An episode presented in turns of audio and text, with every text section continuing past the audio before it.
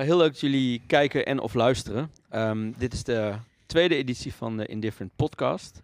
Um, het thema is Paarse Vrijdag, want deze vrijdag is Paarse Vrijdag. De dag dat uh, iedereen paars kan dragen in steun van LGBTQ+. Nou, hier gaan we het over hebben, deze aflevering. En dat doe ik niet alleen. Mijn naam is trouwens Elmar Notenboom. Ik ben uh, de oprichter van Indifferent. En ik zit hier met drie leerlingen, of studenten, jonge mensen. En um, daar zitten er nog drie. Wat we vandaag gaan doen, eigenlijk in twee sets gaan we met mensen praten die zelf LGBTQ-plusser zijn. En uh, we gaan gewoon een gesprek aan. En ik heb hier een hele stapel met allemaal kaartjes. Met vragen erop. En we hebben besloten dat we die uh, random in een, uh, ja, in een random volgorde gaan behandelen. Dus ik ga ze even schudden. En ik zou om te be beginnen willen vragen of jullie jezelf misschien even kunnen voorstellen. Zullen we bij jou beginnen, Colin? Ja. Ik ben uh, Colin de Boy. Ik ben uh, 25 jaar oud. Uh, ik kom uit Didam. En uh, ik ben de coördinator van Jong en Oud Doetinchem. Daar zijn we dit jaar mee begonnen. Het is een vrij nieuwe groep nog. En uh, via COC, onze voorzitter van COC Midden-Gelderland, wat dus eigenlijk in Arnhem zit, uh, ben ik gevraagd om hierbij aanwezig te zijn. Ik vind het heel tof. Een hele mooie mogelijkheid. Super, leuk. Dankjewel. Lizzie. Uh, ik ben Lizzie, ik ben uh, 14 jaar, ik kom uit Arnhem en uh, ik zit bij Indifferent en daardoor ben ik hiervoor gevraagd en ik ben zelf uh, queer. Queer, oké. Okay. Kun je uitleggen wat dat is, wat dat betekent? Uh, als, als het goed is, ik weet niet helemaal zeker, maar als het goed is, is queer gewoon dat je niet echt een label hebt en dat je gewoon bent wie je bent, zonder dat je, laten we zeggen, echt precies weet wat je bent. Dus dan noem je dat gewoon queer. Ja. Ik zie jou knikken. Mm -hmm. Ja. Jij weet het vast beter dan ik. Ja, dat nou weer niet, maar het is goed uitgelegd. Zeker. Oké, okay, Elias. Nou, ik ben Elias, ik ben 13 jaar oud. Ik kom uit Hilsum en uh, ik zit bij Indifferent, daarom ben ik ook gevraagd. En ik ben gay. Gay, oké. Okay. Super. Nou, ik heb uh, nog niet gezegd, ik ben zelf ook gay. Dus ik heb ook veel te maken met LGBTQ+. Dus uh, ik vind het heel leuk dat we met elkaar in gesprek kunnen. Mm -hmm. En we gaan gewoon beginnen. Ik heb hier de eerste vraag. Was je bang dat er vooroordelen zouden zijn over LGBTQ-plussers in je familie? Iemand. Gaan we het gewoon, mogen we gewoon beginnen? Over Tuurlijk, gewoon random, ja joh. Ja, ik denk het wel. Omdat ik, uh, ik ben niet heel streng gelovig opgevoed, maar ik ben wel gelovig opgevoed. Ik heb ook altijd bij de kerk gezeten en ik heb altijd, de, of altijd, ik heb de communie moeten doen en dat soort dingen en de vormsel. Uh, dus bij ons wordt er wel altijd aangeleerd van, uh, hè, God is zo en God wil dit. Um, maar gelukkig waren mijn ouders niet zo. We deden het wel omdat mijn ouders zo allebei zijn opgevoed. Maar het was niet zo dat mijn ouders dachten, nou het moet. Of het is heel belangrijk. Uh, maar mijn opa's en oma's aan allebei de kanten waren dat dus wel. Dus toen het moment dat, het, uh, dat ik uit de kast kwam, vond ik het wel heel spannend om het aan hun te vertellen. En de rest vond ik het eigenlijk minder erg. Mm -hmm. uh, omdat je toch dacht van ja, vaak is de, de koppeling tussen religie en homoseksualiteit niet heel erg positief. Gelukkig wordt het steeds minder. Mm -hmm. uh, dus ik had wel vooroordelen, of ik was bang voor die vooroordelen, ja. En ja. klopte die angst? Nee, totaal niet. Nee, allebei mijn opa's en oma's zeiden ook gewoon, zolang jij gelukkig bent, zijn wij ook gelukkig. En wij vinden alles prima, zolang er maar liefde is. Wauw. Ja. Super. Ja. Mooi. Hoe is ja, dat bij jullie? Ik, zou ik gewoon, ja, um, uh, ik had wel um, een beetje angst van, ja, waarschijnlijk omdat ik vaak, uh, ik kan heel erg hyperactief over bepaalde dingen worden die ik leuk vind. En ik dacht zo van, waarschijnlijk denken ze dat ik meedoe aan een trend of zo. Mm-hmm. Ik weet ook niet. Maar en toen uh, kwam ik eerst uit naar mijn moeder en daarna naar mijn vader. En um, ja, dat ging gewoon allemaal goed. En ik heb ook niet echt oordelen gehad of zo. Vooral van mijn stiefmoeders familie zeiden ze gewoon van... als je, je mag zijn wie je wil zijn en je wordt gewoon altijd geaccepteerd. We houden toch wel van je. En mijn vader is ook heel erg acceptabel en mijn moeder ook. Eigenlijk iedereen om me heen. Dus het is allemaal gewoon goed gekomen. Fijn, hè? Hoe is dat bij jou, Elias? Ja, ik ben toen ik uit de kast kwam, was ik zeg maar uh, heel bang voor mijn stiefvader. Want ja, ik bedoel mijn stiefopa. Want ja, die kende ik nog niet zo goed. En ja, ik weet nou niet of hij daar wel nou echt tegen is of nou gewoon het oké okay vindt.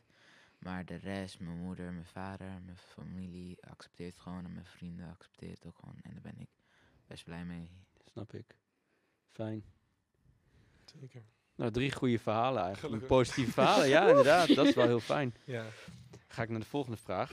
Wat vind je van de afkorting LGBTQ+. Hebben jullie daar een mening over, überhaupt? Ik vind het een wel goede afkorting. Het klinkt wel lekker als je het snel zegt, maar het is ook wel een heel lang woord. Mhm. Je bent, het lijkt net alsof je drie minuten bezig bent om alleen dat woord te zetten. Dan denk je echt Ja, Ja. je hoeft niet, niet voor iets een plus in tegenwoordig, Ja, omdat er dan plus. zoveel letters zijn. Ja. Ja. Kun je voor de mensen die niet weten wat het precies betekent, kan iemand het uitleggen? eh, ja, ik neem wel als niemand het anders wil. Ik ga al. Um, LGBTQ plus staat voor, laten we zeggen, gewoon eh lesbisch, gay, bi, trans en queer. En dan plus voor alle seksualiteiten die ernaast nog komen. Oké. Dus jullie vinden het een oké term? Ja. Ja, Oké. Nou, wat ik vaak merk als ik die term zeg, of als ik hem gebruik, eh, dat vaak mensen struikelen over het woord. Vooral mensen die niet vaak het woord gebruiken. En die vragen zich vaak af van, "Oh, waarom moeten er zoveel letters in? Mhm. ja. Dus die Ja. snappen dat vaak niet. ja, mijn vader en ik maken vaak altijd grapjes dat we zeggen LGBTQ. En dan zetten mensen echt zo onder aan te kijken van, wat bedoel je? Je zegt van, ja, dat is niks. Dat is Hm. het grapje tussen ons. Ja. Maar ik denk als ik zomaar tegen iemand zeggen van, ja, ik ben part van de LGBTQ, zeggen ze echt van, wat? Waar heb je het over? Hm. Of dan Mhm. ze kunnen ze het niet uitspreken, inderdaad. Maar Ja. voor de rest is het wel een cool woord op zich. Oké, gelukkig. En je hebt ook een beetje het verschil tussen de LGBT, de Engelse, en als je dan Nederlands is, is het een LH. Ja, Ja. Dus vaak als je dan zegt LG, dan is het dan van welke seksualiteit is dan G? Ja, ja, Waar komt die G dan vandaan? Dus ja, maar dat is Engels, dat is gay. Dat is, Oh, oké. Ja, maar het Engels klinkt ook gewoon spicier. Het klinkt Ja, gewoon leuker. spicier. het klinkt gewoon Ja. leuker. Het Ja. is, ja, het is ook wat makkelijker, denk ik, uit te spreken dan de LH. LHBTQ. vervelend komt. Ja. Ja, ja. Maar ik heb tegenwoordig ook al de term ABH gehoord, alles behalve hetero. Oh, Dat het wauw. makkelijker is dan... Oh. Oh, al die mooie. letters. ABH. oh, dat ga ik ook Ja. dat ga ik Want het, gebruiken. er werden steeds meer letters, daarom Ja. kwam ook het plusje. En toen hadden ze gezegd, nou weet je wat, dan doen we gewoon ABH. Dan hoeven we geen letters meer toe te voegen. Hm. Dan is het gewoon klaar. Ik vind het best een goeie. Ja, die ga Dat, eh, kijken wat wij daarmee kunnen. Ja. Wat- ja. Ik ga gewoon naar mijn moeder toe, mam, ik ben ABH. Ja. Dan zegt ze van, wat is dat? Van, ja, dat ga je nooit weten. Zoek maar uit. Als ik kijk het trouwens, laat maar. Eh, ik heb hier nog een hele mooie vraag. Voel jij je gekwetst als iemand het woord homo of flikker als scheldwoord gebruikt? Enorm. Enorm? Ja. Ja. alle drie? Ik, als ik, als ik eh, iemand in mijn klas zeg flikker of zo, dan kijken ze ook echt heel boos aan. En dan gaan ze echt gelijk helemaal bang kijken. Ik denk zo, ja, maar dan moet je het ook gewoon niet doen. Het is Hm. niet een scheldwoord of zo. Het is gewoon echt heel erg als je het gebruikt. En het wordt heel erg onderschat, omdat het vaak een, stopwoordje is. Bijvoorbeeld als iets laat vallen of zo, dan zeggen mensen zo, oh flikker. En dan denk ik echt zo, van, ja, maar dat hoor je eigenlijk helemaal niet te zeggen. Hm. Mhm. Ja. Jij ook? Ja, omdat ik er ook gewoon altijd mee gepest ben met het woord homo. Oh. Dus voor mij is het toch gewoon een enorme zware lading. En daarom Ja. zeg ik ook zelf nooit dat ik homo ben, omdat ik het gewoon vervelend vind. Oké. En ook het, het, het woordje ben erachter, alsof dan het, het enige is wat je dan bent. Ja, ja. Dus ik zeg altijd ik val op mannen. Oké. Want dan zeg ik niet dat het een deel is van wie ik ben, maar het is gewoon wat, ik, wat toevallig in mijn leven is gebeurd. Mhm. En dan hoef ik het woord ook niet te zeggen. Oké. Maar ja, je, je hoort het gewoon veel te veel. Ja, ik bedoel, ik maak zelfs met mijn vrienden wel grapjes van ja, homo of zo. Maar dan is het niet, dan weten ze natuurlijk wel dat ik het sowieso niet meen. En Mhm. ik ben het zelf ook. Nou, niet homo, maar like, ik, ik bedoel, Ja. ik ben wel zelf de part van. Dus dan is het altijd minder erg als, als je er gewoon echt mee gaat schelden. Om mensen gewoon echt pijn te doen, laten we zeggen. Ja. Denk ik. En dat Ja. is lastig, hè? Dat is een Ja. soort scheiding. Want Want eh, waarom zou jij het wel mogen gebruiken terwijl je het wel bent en, en anderen niet? Zo zouden mensen kunnen redeneren. Ik Ja. denk, eh, eh, mijn eigen reden denk ik gewoon omdat wij als LGBTQ hebben best wel veel dingen waarschijnlijk meegemaakt. En sommige mensen accepteren ons niet. En eh, doordat wij die pijn hebben gevoeld, hebben wij denk ik meer recht om dat woord te kunnen gebruiken. Hm. In plaats van iemand die het nooit überhaupt van heeft gehoord en er gewoon mee gaat schelden omdat het leuk is en omdat Ja. het trending is blijkbaar. ja. Gewoon, ja. Mhm. ja. Het is dan ook een soort geuzennaam, hè? ja. Dat als iets echt pijnlijk is, en je, dan draai je het om en dan maak je er je eigen woord van en dan gebruik je het cynisch. Ja. Mhm. Ja. Daar kwam ook queer, eh, queer vandaan. Queer was ook Ja. een scheldwoord voor ons. En die hebben het uiteindelijk omgedraaid. Nou, nou, dat is nu onze term. Nou, ik vind het wel een interessant onderwerp, omdat eh, de school waar ik werk, daar hebben wij twee jaar geleden een petitie gehouden ehm, met eh, eigenlijk een statement van schelden met homo, flikker, lesbo, pot, eh, nou dat soort woorden. Dat kan niet, dat is niet oké. Mhm. En eigenlijk hebben we heel veel succes ermee gehad. Er waren 800 mensen die dit hebben ondertekend, leerlingen Oh. en docenten. We zijn ermee naar de directie gegaan en hebben het aangeboden. En die hebben besloten van oké, we gaan dit niet meer tolereren op school. En er komt ook een straf op als het weer gebeurt. Nu zijn we twee jaar verder en opeens is er een soort van hype dat iedereen elkaar weer voor homo uitscheldt. Hm. En het lastige is voor mij om ehm, te weten wie, want in mijn buurt doen ze het niet. Hm. Ehm, Maar als je leerlingen erop aanspreekt, zeggen ze vaak ja, ik bedoelde niks mee. Maar ja, toch komt het wel, kan het hard aankomen, zeker bij mensen die nog in de kast zitten. ja, ik bedoel, je kan er niks mee bedoelen, maar het kan wel voor iemand zo voelen alsof je er wel iets mee bedoelt. En je weet nooit hoe iemand zich erover voelt. Ja. Inderdaad, dus niet meer doen. Niet meer doen, jongens. Stoppen. Alle kijkers worden helemaal boos. Ehm, dit is een beetje een persoonlijke vraag. Sowieso, als er een vraag is waar je geen zin hebt om antwoord op te geven, doe je het lekker niet.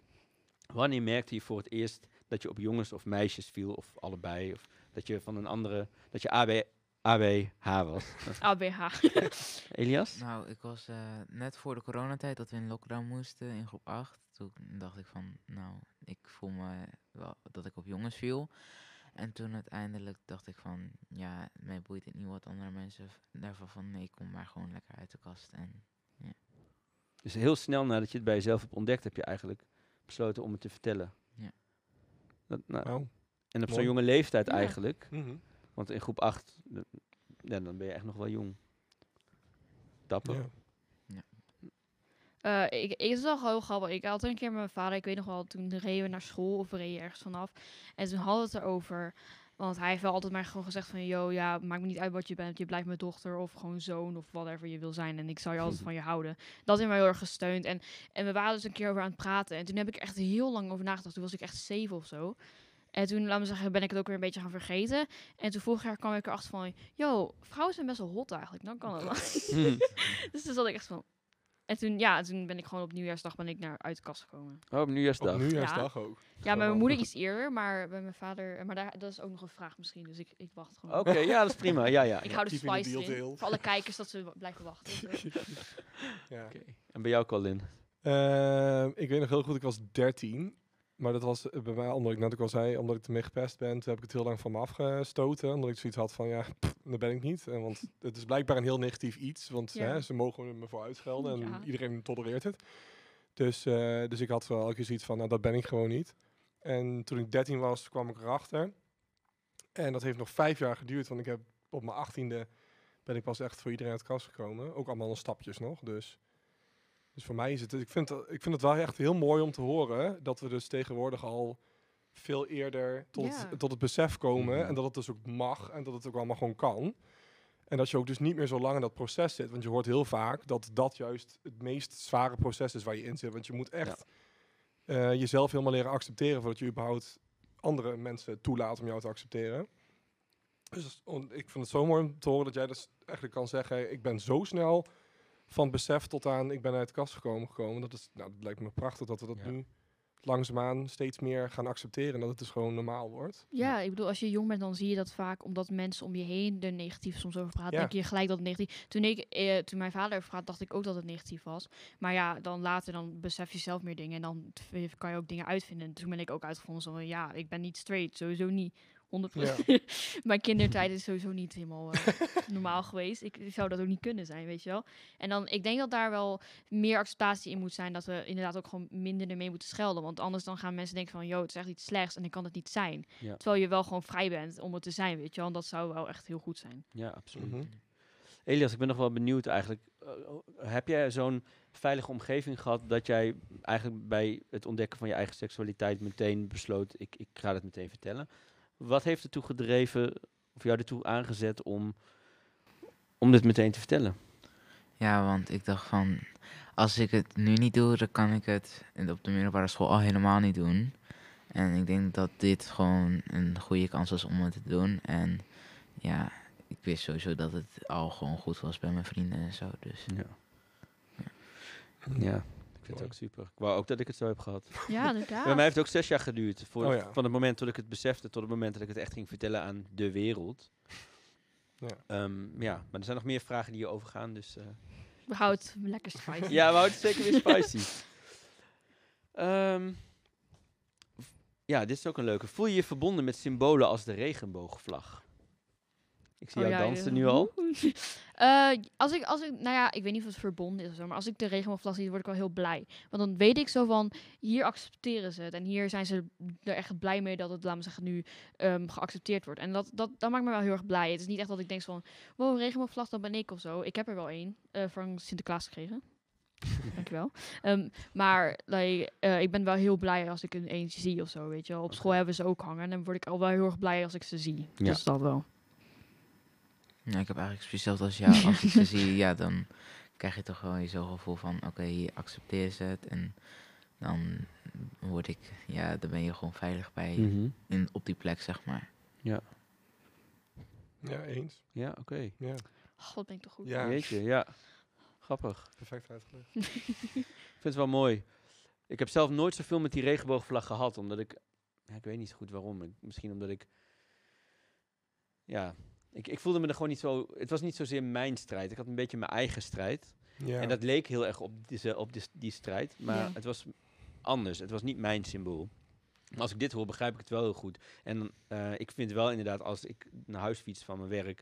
en ik zie dat in Arnhem allemaal eh, regenboogvlaggen hangen... of ik zie die, eh, die oversteekplaats, Ja. die, dat Gebra-pad... Ja, dat. Ja. dan ben ik echt wel blij. Dan denk ik van, ik woon in een gemeente precies. die in ieder geval ons ziet en erkent. Mhm. En of we dan veilig zijn, is inderdaad eigenlijk nog een tweede punt. Hè? Dat is altijd maar Ja. de vraag. Maar, je, je- maar je, ja, je kunt ergens terecht met je geaardheid. En dat is wel heel mooi. Ja. Mhm. Ja, het is wel heel grappig. Want ik, ik vroeger had ik vroeger mensen soms wel aan mij van, yo, wat is je favoriete kleur? En elke week veranderde het. En Mhm. ik dacht van, weet je wel? En toen dacht ik de regenboogvlag. Ik dacht van, kijk, Dat die hebben erover nagedacht. Alle kleuren, maakt niet uit. Period. Cool. Gedraag jij je anders als je weet dat iedereen om je heen hetero is? Bijvoorbeeld in je klas of team of familie, feestjes, et cetera. Ja, Ja? ja. Waarom? Toch bang voor meningen van anderen. Ik moest laatste keer werken met één andere man. En die andere man die was alleen maar aan het praten over vrouwen. En over voetbal. En dat is over ongemakkelijk. ja, hele ongemakkelijke dingen. En toen, ik denk dan elke keer, moet ik, een, moet ik een regenboogvlag om me heen dragen? Is het zo niet duidelijk dat ik gay ben? Maar toch gaan ze erover praten en dan ga ik er toch in mee. Omdat ik dan anders bang ben dat die mensen, als ik dan zeg van, oh ja, maar ik, hm, ik hou niet zo van vrouwen, ik val meer op mannen. Dat ze dan toch anders gaan kijken naar je of anders gaan reageren op je. En ik moest de hele dag nog met die man werken. Hm. Dus dan denk ik, ja, dan, dan maar niet. En ergens ook wel een beetje kort door de bocht. Want misschien was die man er hartstikke prima mee. En doe ik het voor niks. Maar toch een beetje die, die angst dat het misschien verkeerd af kan lopen. Ja. Dat je toch maar doet van alsof dat je Ja. hetero bent. Maar niet bij vrienden of zo. Hm. Meer bij onbekenden. Mooi en eerlijk dat je dit zegt, want dit is precies denk ik die angst waarom het eh, naar is om te schelden met homo. Ja. Dit is precies waarom we hier nu überhaupt zitten. Eh, want, want soms is mijn vraag ook wel, of tenminste de vraag die ik krijg, van waarom is een Paarse Vrijdag nog nodig? Je, je ziet Mhm. op elke tv-zender, zie je gays, eh, op Insta. We zijn zo alomtegenwoordig nu. Waarom willen ze nog steeds die speciale aandacht? Maar dit is de reden. Omdat Mhm. nog steeds mensen bang zijn in situaties dat ze niet geaccepteerd worden. Ja. En, en de angst is gegrond. Want het is natuurlijk ook, ja, er is geweld tegen ja, Klopt. veel te veel. Eh, ik heb dat persoonlijk niet, maar ik snap wel waarom mensen het hebben. Maar het heeft mij acht maanden geduurd om eh, zelfverzekerd te zijn en echt van mezelf te houden. Dus ik zou, dan denk ik meer bij mezelf van waarom zou ik het nu allemaal, laat me zeggen, verbergen en weggooien waar ik zo hard voor heb gewerkt. Hm. Dus ik ben wel gewoon, het is niet dat ik helemaal ga zeggen, hey meid, ja ik ben LGBTQ als ik ergens kom of zo. Maar als ze erover praten, zeg ik wel gewoon eerlijk van ja, nou ik ben er wel, ik hoor erbij. En als Ja. ze iets zeggen van waar ik me minder bij voel of over er praten, dan geef ik dat wel aan. Zo van, yo, ja, je kan nu wel met flikkers schelden en zo, maar ik vind het niet heel chill als je dat doet de hele tijd. Dat heb ik ook te eerlijk tegen be- bepaalde mensen gezegd. Van, je kan je misschien het iets verminderen, weet je wel. En dat zou wel heel fijn zijn. En ja, sommigen houden zich eraan, sommigen niet. Maar ja, ik kan ook niet hun verbieden om dingen te zeggen. Maar eh, nee, ik, ik doe wel gewoon wat ik wie ik ben. En ik, ik, ik, eh, ik, ik acteer nog steeds gewoon van hoe ik ben en wie ik ben. Goed Dus- zo. Ja. Goed zo. Good for you, daar bedoel ik meer. Ja, Ja, en als je jezelf zijn, moet je altijd wel iets voor teruggeven. Ik word soms ook uitgescholden en zo. Maar ja, weet je, als je, als dat, is, als je dat moet geven om jezelf te zijn, dan geef, heb ik dat er totaal voor over. En zijn het altijd mensen die jou uitschelden die eh, jij niet kent? Soms wel. Ik heb wel eens over dat, dat ik over straat liep en dat iemand gewoon zegt van... hey, kankermanwijf. En ik echt van, oké, maar waar staat dat op? Maar ik heb, ja... Of op, in, op Instagram post ik soms foto's en dan word ik ook uitgescholden of zo. Maar het zijn ook soms gewoon eh, vrienden van mij of zo. Maar dan is het of voor de grap of niet, maar vaak wel voor de grap. Alleen dan vind ik het ook niet heel erg, want ik weet al dat ze het gewoon als grapje menen. Maar het- ik heb ook wel eens mensen gehad die ik kende die me echt hebben uitgescholden. Dat, dat was echt wel zo van, huh? Van waar, waar komt het in één keer vandaan? Ja. Nou, ja, ik denk dat eh 90% in uit onze klas wel hetero is en dan gewoon ja, op ander geslacht valt. En vooral bij eh, de meeste kinderen uit mijn klas, dat ik denk, als ik dan uit de klas kom in die klas, dat ik dan sowieso wel van die hoek iets krijg en dan van die hoek. En dat bij 60% dan het goed is en dan 40% dan niet goed is, zeg maar. Hm. Ja, en dat is toch weer zo'n gevoel van, oh, ik, straks word ik helemaal uitgescholden en word ik straks gepest. En krijg ik allemaal dingen op me af. En daar heb je natuurlijk helemaal geen zin in en zo. Natuurlijk niet. Dus En ben je daar een beetje bang voor? ja, ik ben er best bang voor, want ja, het is niet bepaald fijn of zo om dat zeg maar te horen van andere mensen. Nee. Dus Hmm, vervelend dat je dat zo voelt. Ik ken jouw klas natuurlijk, want ik geef Elias les. Ja, ik, ik, daar moeten we maar eens nog eens over praten. ik denk dat het best wel, dat je ook wel heel veel steun gaat krijgen hoor. En die steun zal je ook heel goed doen, denk ik. Ja. Het is ook echt niet gek als je je bang voelt of zo. Ik ben gewoon iemand die heel, heel hard ook terugreageert. Als iemand mij uitscheldt, dus doe ik het net zo hard terug. Of Ja. tien keer erger. ja, maar jij hebt die kracht, dat is jouw ja, kracht. precies. Ik heb ook echt al een verleden gehad. En dan als ik dat soms aan mensen vertel, dan zitten ze echt gewoon met open mond van... Yo, dat is veel. Ja. Maar ja, het heeft je wel echt mentaal veel sterker gemaakt. En als Ja. iemand me nu uitscheldt, ja, dan doe ik het ook gewoon terug. Weet je, ik ben niet Ja. bang of zo voor mensen. Nee. Ja, voor sommige mensen wel. Ja, ja, ja. Nou ja, het ligt er heel erg aan. eh, kijk, ik ben zelf 41. Ik heb al zoveel fases doorgemaakt, zeg maar. En Mhm. Ehm, nu ben ik op een punt dat ik, ik, ik zeg het eigenlijk niet meer. Niet omdat ik het wil verzwijgen, maar omdat ik het niet iets vind wat ik ter tafel moet brengen. Als Ja. mensen daarover Ja. praten, is, iedereen mag het weten. Ik, Ja, ik- dit, is wie ik ben. Als je er een mening over hebt, is dat, dan hou ik dat ook bij die persoon. Maar tien jaar geleden stond ik daar anders in. Was ik nog, ik denk, Ja. onzekerder, onzekerder. En ging ik het wel vertellen. En ik heb ook een tijd gehad dat ik het bijna schreeuwde aan iedereen. En dat ik ook wilde dat Ja. mensen het aan me Mhm. zagen. Omdat ik, weet je wel, dat zijn fases Ja. waar je doorheen Mhm. moet. Mhm. Ehm, ja, dus, dus eh, het is niet alleen persoonsgebonden, maar ook wel tijdgebonden, denk ik. Ja, zeker. Ja. Het verschilt nu al heel erg met tien jaar geleden. De acceptatie en... en de- Beter, de- vind jij? Ehm, ik weet niet per se of de acceptatie beter is geworden, maar de zelfacceptatie is voor mijn idee wel beter geworden. Oh ja. Mensen die, die hebben sneller, zijn sneller oké met wie ze zijn en wat ze zijn. Er komen er ook sneller voor uit en het is ook veel groter geworden nu. Vroeger was het echt zo van of je bent lesbisch of je bent homo en dat is het ook. Dat is al heel wat. En nu is het allemaal veel groter geworden en veel Mhm. breder en alles kan gewoon en alles mag. Maar ja, de samenleving reageert er nog anders op. Maar ik denk dat, dat de, de grootste stap in de zelfacceptatie al flink is gezet. Goed zo, Ja. super. Nou, dat is goed nieuws. ja, dat vind ik Heel fijn. fijn. Hoop ik. Ja, nou ja. Deze doen we even later. Oh, is dat heel spicy of gewoon medium spicy? ik vond deze heel spicy. Ik kan hem wel opnoemen. Ik vind het prima. We gaan hem gewoon doen dan. Ja, weet je. Ehm, welke opmerking heeft jou ooit het meest geraakt, in positieve of negatieve zin, in relatie tot jouw seksuele geaardheid? mhm. Het is heel stil in één keer. Ja. Je hoeft geen antwoord Ja. te geven. Heb jij iets? nee, ik ben eigenlijk nooit Oh. met eh, wat iets mij raakt heel erg negatief of positief ach, ja, ge, Geraakt. ja, geraakt. Dus bij mij is dat niet voorgekomen. Oké. Oh ja, ehm, ehm, ik ben wel eens, ehm, bijvoorbeeld qua uiterlijk heb ik wel eens eh, gehad van iemand had mij toen inderdaad ge- uitgescholden voor kankermanwijf. En dat heeft mij op zich wel geraakt, want ik wou, was wel in zo'n periode dat ik me echt probeerde zelf te accepteren voor wie ik was en zo. En als dat dan wordt gezegd, dan val je wel een beetje terug, laat me zeggen. Dan moet je weer een paar stappen naar beneden, omdat je dan denkt van, oh ja, misschien heeft hij wel gelijk. En ehm, ik, ik ben wel eens uitgescholden voor lesbi en of zo. Dat maakt me niet heel veel uit. Maar ik denk wel inderdaad het pijnlijkste wat ik ooit ben genoemd is eh, kankermanwijf. Of gewoon abnormaal. Dat vind ik ook zo raar. Hm. Ja, abnormaal. Wat is normaal? ja. Ja. Dat slaat echt nergens op. Ja, precies. Ik heb, Ja. ik heb de Ja. laatste 20 minuten iemand uitgelegd van wat, wat normaal, wa- waarom niemand normaal is. Ja. Nou, staat met open mond te kijken. Zo, huh? Van, Hmm. Oké, maar dus dat. Oké. Colin? Iets? Ja, ik heb, we hebben een keer een, eh, eh, een vriend van mij. We waren een drankspelletje aan het doen, mag ik dat zeggen? Nee, absoluut niet. Oké. Editen dit. Nee, we waren ranja aan het drinken. Uit. Ranja. Theekrantje. Nee, en eh, we deden een drankspelletje. En daar waren elke keer van die spicy vragen die je moest beantwoorden. En toen, eh, ja, mijn vriend was erbij en eh, we kregen de vraag... eh, je moest uit twee actrices kiezen met wie je naar bed zou willen. En toen heb ik geantwoord dat ik daar niet uit kan kiezen, omdat ik gewoon niet op vrouwen val. En ik vind vrouwen niet seksueel aantrekkelijk. Ik kan vrouwen heel mooi vinden, maar ik zou er niet mee naar bed willen. En één vriend van mij die kon dat absoluut niet begrijpen. Dus ik heb hem toen uitgelegd van, nou ja, als ik nou jou de vraag stel van twee acteurs, dan was het nee, ja, nee, maar dat kan niet. Ik zei, nou, dat is precies hetzelfde wat Exact, bij mij ja. gebeurt. En toen vroeg hij dezelfde vraag aan mijn vriend. En mijn vriend heeft wel antwoord gegeven. En toen heeft hij gezegd, kijk, in jouw vriend zit tenminste nog wel iets goeds. En dat kwam heel hard aan, omdat toen Ja. nog eens een vriend is die heel dicht bij me stond. En eh, toen ben ik ook heel boos geworden. Ik heb echt geschreeuwd door het huis heen. En, ehm, maar bij hem kwam het gewoon, eh, voor hem is het gewoon lollig. En was het helemaal niet zo bedoeld.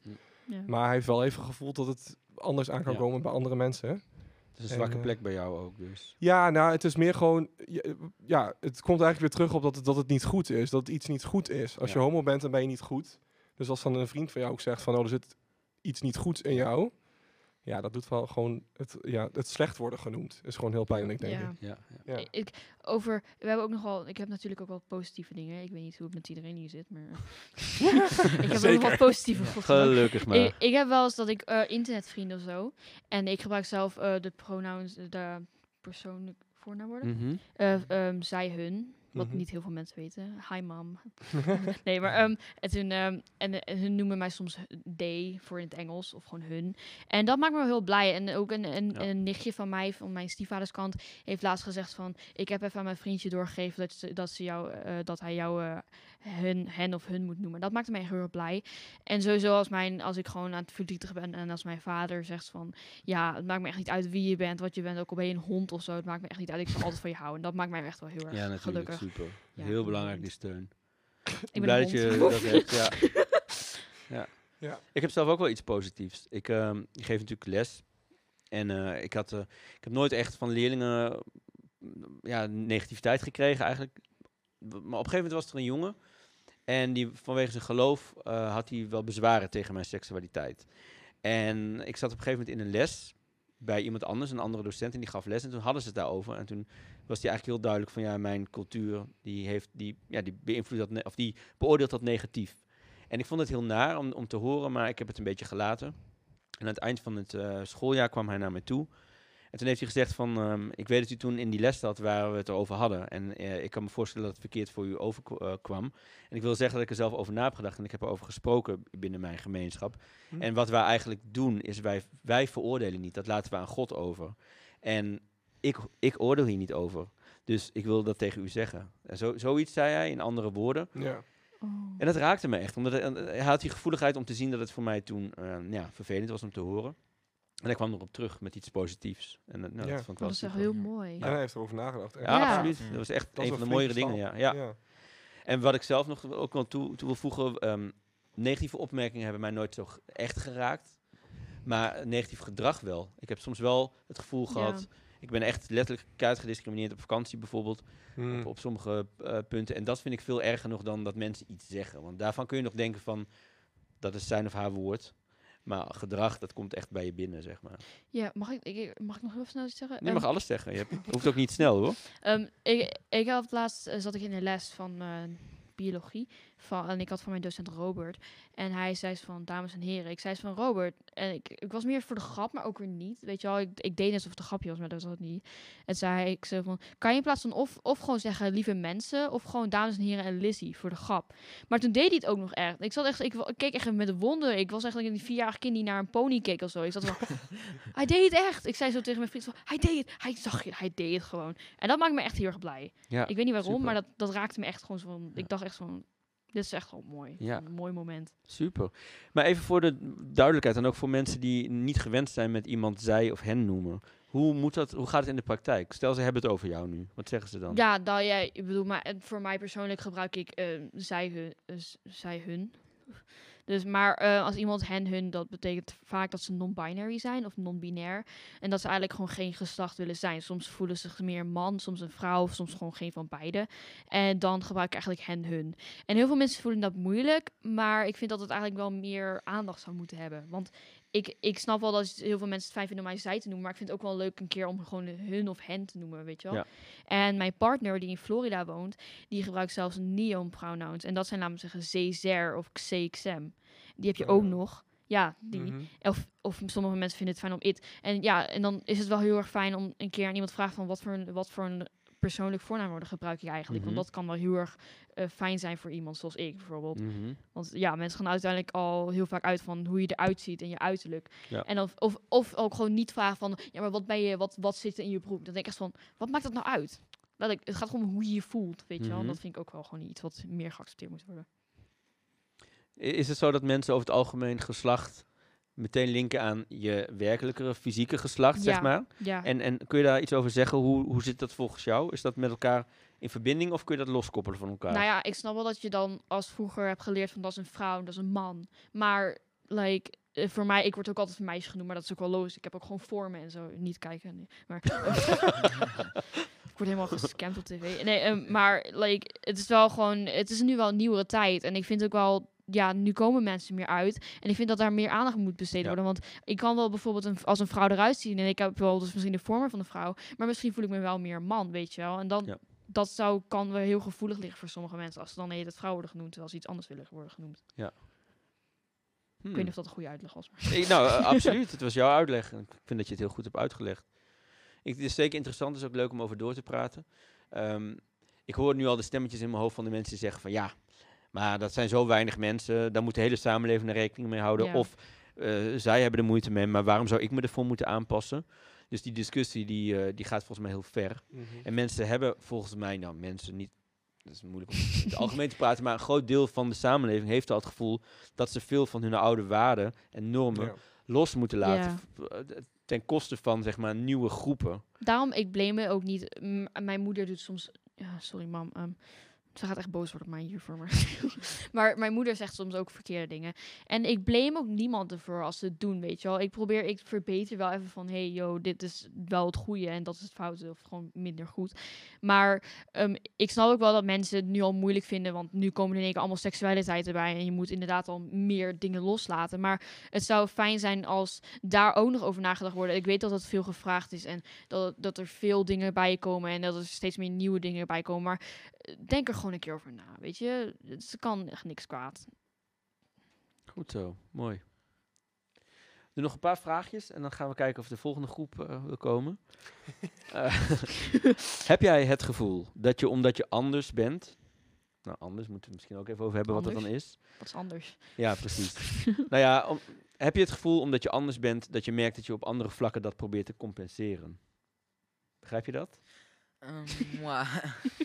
Ja, een beetje wel, een beetje niet. Dat je, dat je probeert van, oké, ik ben gay, dus ik heb een minpunt op, op één vlak, maar ik ga heel hard werken om op andere vlakken allemaal plussen te creëren. Compensatie. Oh, ja. Heb je dat?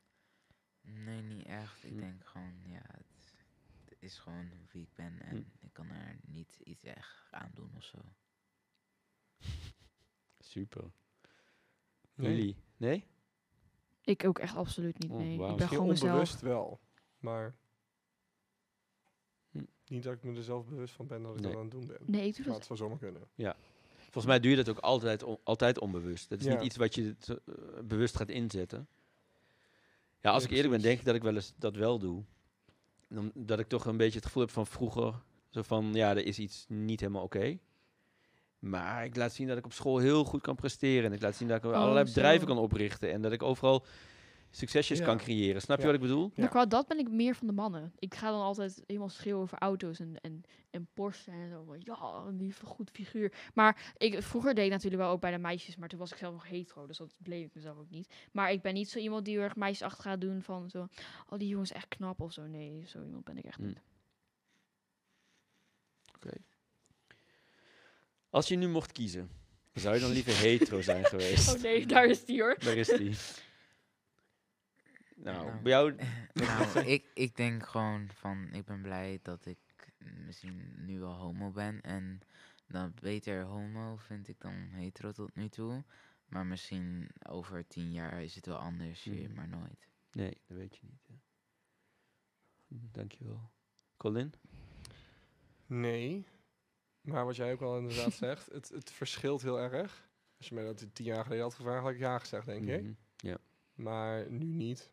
Ja. En dat is gewoon puur omdat je natuurlijk ook steeds meer jezelf accepteert. En steeds Mhm. meer trots op wordt op wie jij bent en wat je doet. Ja. Dat je dan denkt van ja, hè. En het brengt je ook heel veel, denk ik. Het het brengt je een hele nieuwe, ze noemen het altijd een chosen family, hè. Dus je krijgt eigenlijk een hele nieuwe familie erbij, die je echt steunt door alles. Ja. En ehm, ik denk dat je dat als je dat hetero hebt, dan maak je dat helemaal niet mee. Want je, je, ja, je zit eigenlijk gewoon in een, de normale bubbel en niemand verwacht wat van je, omdat je gewoon normaal bent, volgens de meeste mensen. Mhm. Zo, als we het dan weer over normaal gaan hebben. Ja, precies. ja, precies. Hè, maar even gesproken uit de maatschappij. Dus, ehm, dus het, brengt, het brengt je ook heel veel mooie dingen. En daar ben ik heel erg dankbaar voor en heel erg blij mee. Dat ik dan denk van ja, dat had ik nooit willen missen. Ja.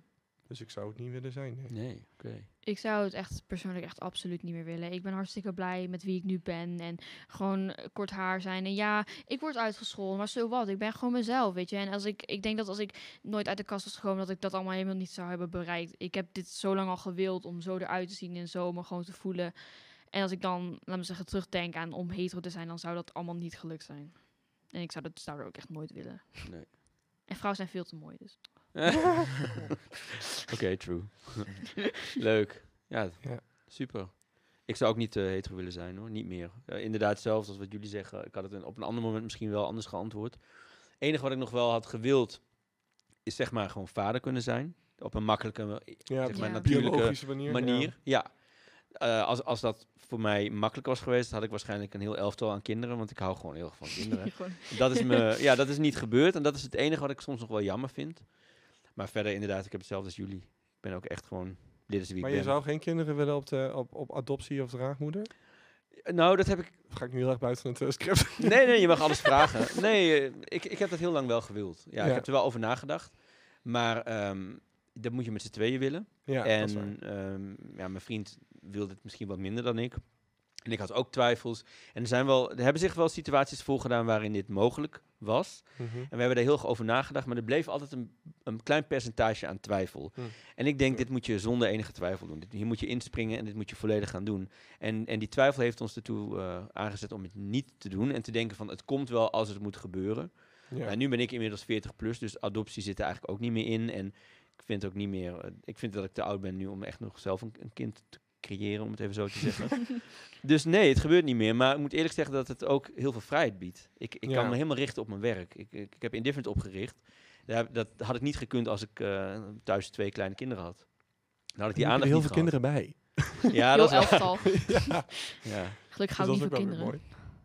Ja. Nou ja, ik denk wel dat... eh, Ik ken iemand die heeft altijd in een kinderdagverblijf ge- gewerkt... totdat ze zelf kinderen kreeg. En toen zei ze, ik wil niet meer met andermans kinderen. Ik wil bij mijn eigen kinderen zijn. ja, En precies. ik denk dat mijn liefde voor mijn leerlingen... en mijn, en mijn plezier wat ik haal uit het werken met jonge mensen... dat heb ik nu heel erg. Maar ik denk, als ik zelf kinderen had gehad... dat het misschien ook wel zo was geweest. Ja. Dat, het, Ja, precies. dat ik dan ook dacht van... nee hoor, ik wil jullie niet. Ik wil lekker mijn eigen kids. Ja. Dus ik ben hartstikke gelukkig. zonder kinderen. Mooi. Ja. Fijn om te weten. ja, oh, daar gaat het om. hey, ik wil jullie ten eerste heel erg bedanken. Eh, Ik vond het heel fijn dat jullie zo mooi hebben gesproken en zo openhartig. Ik, ja, dus heel erg bedankt daarvoor. Jij bedankt. Graag gedaan. Ik vond het heel We leuk zien om hier jullie te zijn. Wat zeg je? Ik vind het heel leuk om hier te zijn hoor. Nou, je mag altijd een keer terugkomen. Ja. ja, ik moet even kijken. Van, ik moest even nadenken van, heb ik tijd? Ik, ik, ik kan altijd terugkomen. Ja, mag altijd. Dank jullie wel. Nee. Nou, dan nodig ik de volgende groep uit. Nou, dan zijn we terug met drie nieuwe jongeren. Ehm, ja, misschien willen jullie even voorstellen. Ehm, ik ben Ade, ik eh, ben 16 jaar oud en ik zit op het Montessori College Arnhem. En wat zijn jouw persoonlijke voornaamwoorden? Eh, gewoon hij, hem en ik, eh, mijn seksualiteit is eh bi slash pan. Bi slash pan. Ja. Oké. Kan je uitleggen wat... Nou, bi weten mensen denk ik over het algemeen wel. Kan je zeggen wat pan betekent? Ehm, ik heb geen voorkeur voor geslacht en ehm, ik val meer op personaliteit eh, dan, dan ja, op, op, op hoe degene eruit ziet. Dus eh, daarom de pan. Ja. Du- duidelijk, dankjewel. Era, kan jij je voorstellen? Nou, ik ben Era, ik ben 13 jaar, ik zit op het Doorwerth College en zit dus bij Indifferent. Daarom ben ik ook gevraagd om hier naartoe te komen. En ik ben voorlopig nog biseksueel. Voorlopig nog. Ja. Oh, goed. Ja, en jouw eh, persoonlijke voornaamwoorden zijn? Eh hij, haar. Nee, wacht. Zij, haar. Ja, oké. Ik, eh, ik ben Laurie, ik eh, ben 17, eh, woon in Doesburg, ga in Arnhem naar school. Eh, voornaamwoorden zijn zij, haar. Maar eigenlijk maakt het me niet heel veel uit. Eh, ik ben ook panseksueel. Ehm, ja, ik ben er wel vrij zeker van. Ik ben ook al een tijdje uit de kast, dus eh, daar voel ik me ook wel confident in, zeg maar. Oké. Cool. We hebben net de vraag bij de anderen al gehad, zo'n beetje van wanneer zijn ze uit de kast gekomen en hoe was dat? Dus die vraag komt nu niet meer in de kaartjes aan bod, maar ik denk dat het wel ook interessant is om van jullie te horen. Dus hoe oud was je en kan je iets vertellen over je coming out misschien? Ehm, nou, ehm, nou, mijn realisatie kwam eigenlijk ver voordat ik zelf uit de kast kwam. Want nou, het begon bij mijn brugklasvriendje, zeg maar, een beetje van... Hey, het was niet een hele serieuze relatie of zo, maar wel van... Oh, dit zijn gevoelens met een jongen, maar er zijn meer mensen op deze wereld. Ehm, nou, toen begon ik eigenlijk een beetje al te praten met mijn vriendinnen. Dat was vrij snel, want we waren wel open en zo. Maar ja, mijn ouders duurde wat langer. Mijn moeder was ik vooral bang voor. En was ook al een klein beetje terecht. Ehm, maar ik woon wel gewoon thuis en alles is wel gewoon prima. Ehm, maar de rest van mijn familie, ja, mijn tante en oom weten het wel, maar mijn opa en oma weten het niet. Die zijn heel erg eh, conservatief. En zijn altijd over van, oh, dan ga je met een man trouwen, twee kinderen, eigen huisje, thuiswerken. Mhm. Nou ja, dus eh, dat wil ik eigenlijk ook gewoon niet tegen ze zeggen. Nee. Maar je zit nu wel hier en de kans dat zij dit ooit horen is natuurlijk aanwezig. Ja, nou, gelukkig zijn ze een beetje niet zo goed in technische dingen. dus ik hoop dat ze maar gewoon niet eh, achterhalen, zeg maar. Nee, oké. Ja. Ja. Hmm, ja, ik heb eigenlijk nog honderd vragen, maar eh, Ja. komt dan misschien straks nog. Era, kan jij iets vertellen over eh, je Ja. coming out? Nou, in groep 7 begon ik het een beetje te ja, realiseren. Alleen toen was het echt super abnormaal. Zeg maar, iedereen in de klas en de school waarschijnlijk was toen nog hetero. En ehm, toen begon ik een vriendin van mij leuk te vinden. Dus ongeveer in groep 8 of zo. Alleen toen dacht van, nee, ik, ik wil gewoon, ik vind haar gewoon super aardig en zo. En ik wil gewoon op haar lijken en ik wil niet in een relatie met haar of zo. Dus toen heb ik het gewoon ja, aan de kant geduwd. En toen in de brugklas, toen ben ik het wat meer over na gaan denken en zo. En toen ben ik ook, ja, eigenlijk misschien in het midden van de brugklas heb ik het aan een paar vriendinnen van me verteld. Dat ik dus misschien ook op vrouwen viel. En daarna ben ik eerst aan mijn moeder uitgekomen. En toen aan mijn vader. En ja, mijn opa en oma en ooms en tantes merken het wel.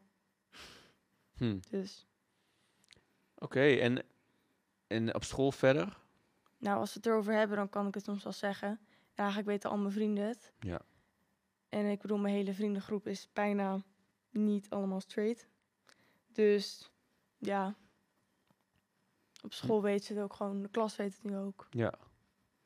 En hoe voelt dat dat iedereen het weet?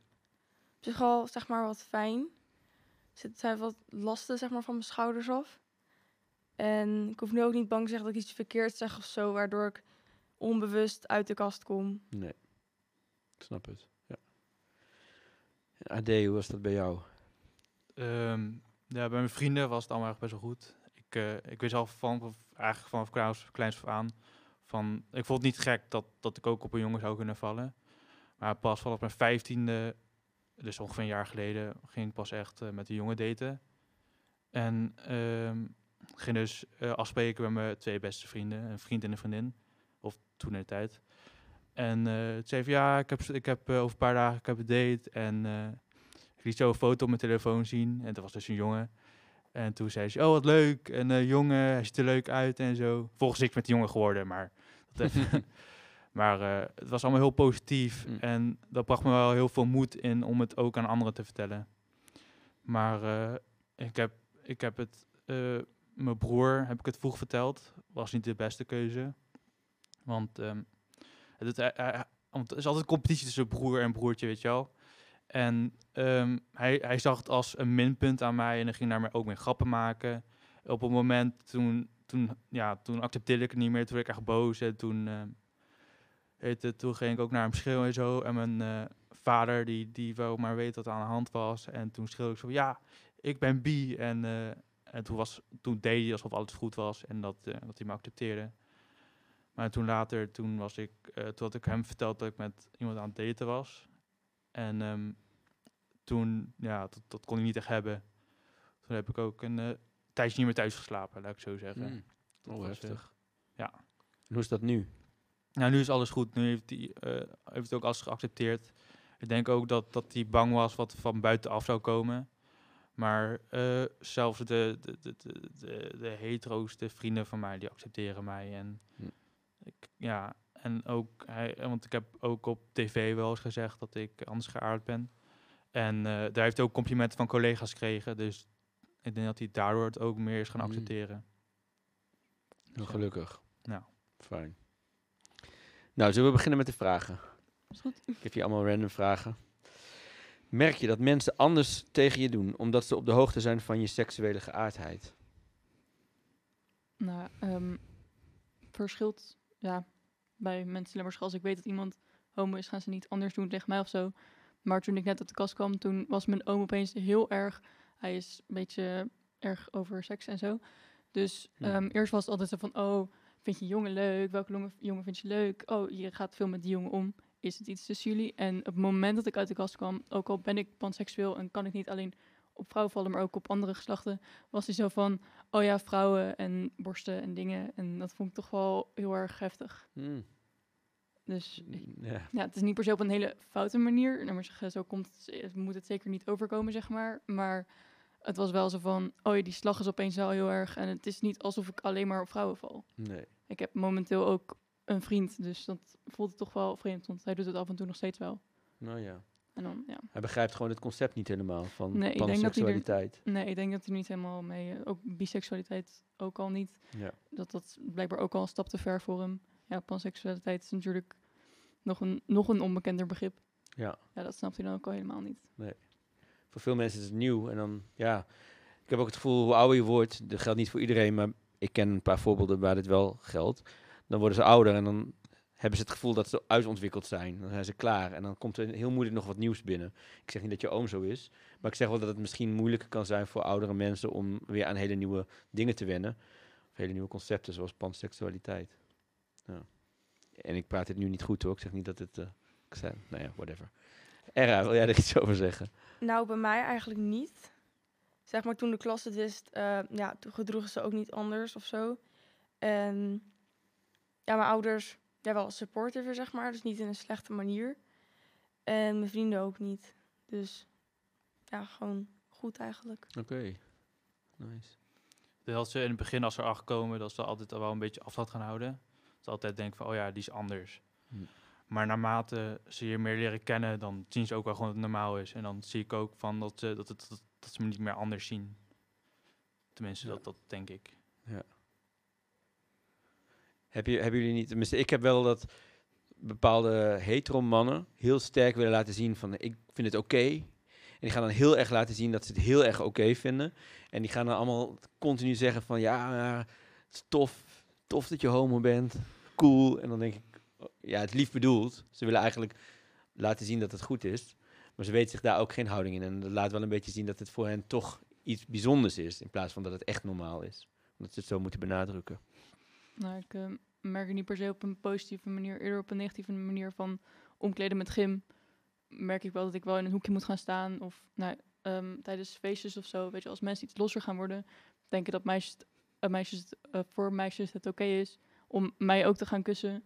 Als, als dat een beetje de vibe is, omdat ik toch al op meisjes val. En dan, ja, dus dat dan ieder iets meer op een negatieve manier. eerder. Ja. Maar hoe, eh, want je zegt, dan heb ik het gevoel dat ik in een hoekje moet staan. Ja, gewoon nou maar zeggen, met mijn gezicht naar de muur toe. Zodat mens, meisjes niet het idee hebben van...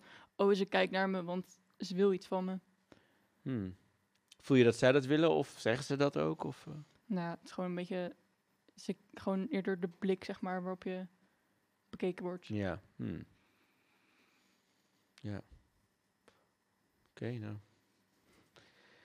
Waren je ouders de eerste tegen wie je hardop verteld hebt over je seksuele geaardheid?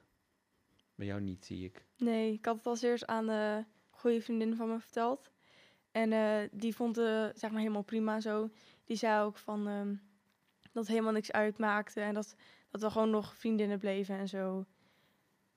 Dat er in principe eigenlijk niks veranderd was tussen ons. En daarna, ja, daarna heb ik pas aan mijn ouders verteld. Jij hebt het eigenlijk al verteld, toch? Dat je aan je vrienden het eerst hebt verteld? Ja. Ja. En eh, ja, over mijn moeder. Ja, mijn moeder die was zo van, ja, vertel het niet aan iedereen en houd het meer tot jezelf. Dus ja. Dat- ja, uiteindelijk heeft het ook leren accepteren van hoe ik het nu ja, doe. Wat vond je ervan dat ze dat zei? Ik vond het wel moeilijk, want ik dacht van ja, het is wel wie, ik- wie ik ben. Het, het maakt me niet, maar het is wel een deel van mij natuurlijk. En ja, dat vond ik wel toen moeilijk om te accepteren. Snap ik. Nou, het was een hele turbulente periode. Nou ja, dat kan me voorstellen. Zeker als je ook uit huis hebt geslapen een tijdje. Ja, ik heb, eh, ik heb een weekje maar gewoon bij een tante geslapen. Toen, eh, toen, hoe heet het, toen eh, kreeg mijn vader spijt en toen leerde hij het gewoon op zichzelf te accepteren. Ja, dat heeft wel heel veel geholpen dat ik dan Hm. een tijdje niet thuis was. Oh, Ja. fijn dat het heeft geholpen. Ehm, ja, maar, eh, Ja, ja, voor mij was het ook gewoon eerst mijn vrienden. Ja. Gewoon eerst even het water voelen, zeg maar. en, Exact. eh, ja. Dus eh, mijn ouders kwamen echt pas verder na. ja. Ik ken eigenlijk bijna geen gevallen waarbij mensen meteen aan hun ouders hebben verteld. Bijna iedereen vertelt het volgens mij wel eerst aan vrienden. Inderdaad, wat je zegt, om even te testen hoe het, hoe het valt. En ja, dat had ik zelf ook. Denk je dat je ouders na jouw coming-out ook een soort coming-out proces hebben gehad? Bijvoorbeeld richting hun familie, vrienden, buren? Ehm, ik heb, eh hoe heet het, was een paar maanden geleden. Want ik zou, ik zou eigenlijk met een paar vrienden naar Zeeland toe gaan, want ze hebben daar een huisje. Zou daar gewoon gaan drinken en gewoon chillen daar. En eh, mijn pa, die, die maakt zich daar zorgen over. En toen heeft hij met die vader van die vriend gebeld. En toen heeft hij uiteindelijk ook over mij gehad dat hij het uiteindelijk ook wel moeilijk vond bij mijn geaardheid. En dat hij, dat was eigenlijk een soort van zijn, volgens mij zijn eerste keer dat hij het echt open en bloot tegen iemand had verteld. En in het begin vond ik het naar, want die vader vertelde dat ook tegen mij, om dat zo te horen. Alleen aan de andere kant dacht ik, ja, dat is wel gewoon zijn acceptatieproces. En toen was ik gewoon oké mee. Dus je gunde hem dat acceptatieproces wel. Je was daar niet boos om. Of, Nee, ik hield het ook tot mezelf. Ik had niet tegen hem verteld, oh ja, heb je met die vader gebeld? Nee, dat, eh, Nee. Heb je het gevoel dat je nu open met je vader erover kan praten? tot een zekere hoogte wel. Ja. Maar eh, het wordt nog steeds van me geacht dat ik met een meisje thuis wil komen. Dus eh, Hmm. ja, het is ook keer als ik, als ik een meisje meeneem, bijvoorbeeld met, ook het met een groepje, van ja, dat is wel een leuk meisje, hè? Dus, Oh, ja. Ja. Die hoop blijft een beetje leven. Dat je, Ja. Ja, dat je toch met een vrouw eindigt. En, ja. Ja. Eh, en hoe, hoe is dat eh, bij jou? Nee, eigenlijk niet. Ze vonden het gewoon heel normaal. En als ter sprake kwam, was het misschien wel een keer misschien gezegd. Maar niet dat ik weet of zo. Of dat het echt van, ja, mijn dochters eh valt ook op vrouwen, weet je wel. Dus niet Nee. per se dat. Nee, ja, ik heb eigenlijk alleen mijn, eh, mijn stiefmoeder. Die is tegenover haar eigen moeder, dus eh 85-jarige vrouw of zo. Die zegt het van, eh, oh ja, als je dan later met een man gaat wonen... en dan is mijn stiefmoeder van, oh, of vrouw. En gewoon om even inclusief te zijn. Ja, Maar dat is eigenlijk ja, de enige ouder die dat een beetje probeert. oké. Maar ja, het is gewoon ook om het niet per se zo expliciet erin te drukken. Want ze hebben altijd het idee dat eh, de homo's altijd maar zeggen, overal moet zijn. En, dus dat proberen ze zelf ook een beetje te onderdrukken. Nou, zeg maar dat ze... ehm, dat, ehm, eh, wat... eh, sorry. Wat. Colin eerder ook al zei. Van dat het niet eh, je hele personaliteit is, zeg maar. Ja, precies. Ja. ja. Hebben jullie dat gevoel dat als je zegt van ik ben pan, bi, homo, weet ik veel, queer, dat, dat er dan wordt gedacht van dat ben je. Bam, einde. Begin en einde. Hij of zij is queer, gay. Of heb je het gevoel dat mensen er rekening mee houden van het is maar een, een deel van zijn of haar persoonlijkheid? Hoe kijken mensen daar tegenaan? Nou, ik denk dat dat heel erg ligt aan hoe die persoon er zelf voor staat. Van, ja, accepteer ik homo's helemaal voor mezelf of, Mhm. of totaal niet? Ja, ik denk dat... Ja. eh, Ik heb er nooit zo op die manier over nagedacht. Maar ik heb wel iets anders wat een beetje soortgelijk. Ehm ik was toen nog niet helemaal ui- ui- uit de kast. Alleen een meisje die vertelde zo van... Yo, je hebt toch op bi? En eh ze zei van... Ja, dan ben je toch eigenlijk gewoon homo. Want dan val je toch op jongens. En dan durf je het gewoon niet echt te vertellen. Dus toen was ik, echt, was ik wel echt zo van... Ja, nee, dat is niet zo. Dat, eh, ja, dat, vond, ik- vond, dat was wel echt een, een naar moment, vond ik. Snap ik. Ja. Ook een beetje onbegrip dus bij Ja. haar. Ja. Toen, eh, ja. ja, dat was echt niet leuk, vond ik Nee. toen. Wat zeg je dan? ja, toen, ik weet niet, ik was toen best wel boos op haar geworden, maar wel, of niet, niet boos dat ik echt ging uitschalen, maar wel gewoon dat ik liet zien dat het niet, dat het niet oké is. Dat het, dat het Nee. wel anders is. Om haar te leren dat ze dat bij de Mm. volgende niet zo moet aanpakken Ja. ook. Ja, oké, dat is goed. Nou, Hm. Ja, nou, ehm, Nee, niet echt eigenlijk. Zeg maar bij de mensen die ik ken. Alleen soms is het wel zo van. Ja, dat meisje valt ook op meisjes. Misschien komt er wel wat tussen jullie of zo. Oh, ja. Weet je wel? Dat precies van. Ja, jullie vallen allebei op meisjes. Jullie passen bij elkaar. Maar dat is niet echt, want je moet ook gewoon elkaar klikken en zo. En het Ja. slaat eigenlijk nergens op. Als iemand gewoon hetero is en iemand anders is ook hetero, zeg je ook niet van, ah, jullie passen goed bij elkaar, want jullie zijn allebei hetero. Nee. Of Hm. dat iemand zegt van, yo, ik ken een homo. Oh, wacht, die ken je vast ook wel. ja. Ja, want we kennen elkaar allemaal. Ja, Ja. duidelijk. ja. Oh, geweldig. Was je coming out een opluchting of begon, begon toen pas de lastige fase? Nou, bij mij begon toen pas de lastige fase, omdat mijn ouders er toen heel erg mee werden geconfronteerd over dat ze eigenlijk nog niet zo tolerant waren als ze eigenlijk hadden gewild. Hmm. Dus dat had, ja, zij moest eerder nog door een proces toen ik er eigenlijk al een beetje, eigenlijk al wel klaar mee was. Mhm. Maar toen moest je nog met hun hele proces mee. Oké. Oeh, dat lijkt me ook lastig. Ja, Ja. Duurde dat lang? nou is nog steeds bezig. Mijn Oh, vader heeft, eh, is eindelijk eh, over de seksualiteiten heen. Maar ehm, hij is sinds kort begonnen over gender. En dat is een eh, hele moeilijke. Hm. Dus ja, ik heb er zelf. Ik ben zelf wel gewoon confident in het feit dat ik een vrouw ben.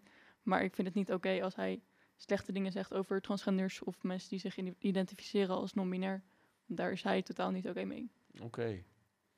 Zo, dus dat levert nog wel strijd op bij jullie? Ja. Ja. Heftig, ja. Als je bij je ouders woont, dan, ja, dan ben je zo... Dan leef je zo samen en dan heb je zo met elkaar te maken. En als je dan van mening verschilt, word je daar eigenlijk elke dag mee geconfronteerd als je samen woont. Ehm, ja, ik kan alleen maar zeggen dat ik hoop dat het snel beter wordt. En ook Ja. als je op kamers gaat, scheelt het denk ik Hm. ook al. Want dan zit je niet meer zo in één huis. Ja, lastig. En, en hoe is dat bij jullie? Coming out de opluchting of begon toen de ellende pas? Het was, ik denk dat het, dat het voor mijn coming out, dat, dat ik het moeilijk vond. Omdat als dan, ja, als ze over homo's gingen praten, dan, dan moet ik altijd mijn mond houden. Want ja, weet je.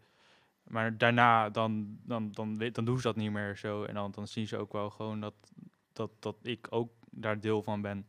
En dan, dan voelt het ook wel opgelucht. Dus ja, het is meer als een opluchting. En ook thuis, ook al heb ik ruzie gehad, ook al heb ik problemen gehad. voelt het alsnog als een opluchting. Hm.